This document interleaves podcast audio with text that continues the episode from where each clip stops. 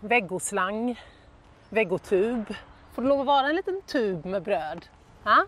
Kanske lite sojakrafs till tacokvällen? Eller får man ens säga taco längre? Det kan låta absurt men det pågår ett sorts eh, korvkrig här i EU. Och hur konstigt det än låter så är det av stor betydelse för om vi ska klara den stora omställningen eller inte. Jag är tyvärr själv i kvällens 2022 på grund av striktare covid-19 åtgärder här i Belgien. Det är lite trist men det är som det är. Häng med!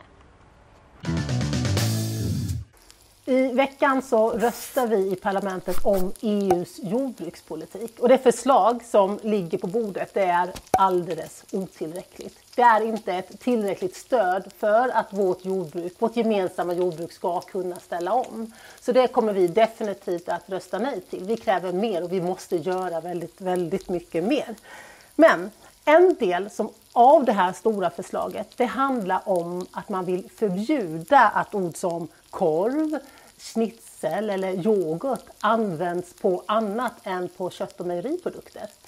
Man vill alltså, och det är kötthögen som vill det här, de vill göra det svårare för oss konsumenter att hitta fram till de vegetariska och veganska alternativen i våra butiker.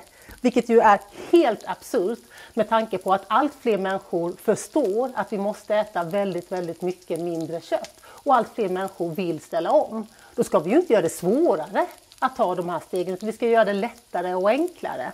Och vi vet att vi måste ställa om. Det är liksom inte min personliga åsikt utan det är en övertygelse baserad på vetenskaplig grund.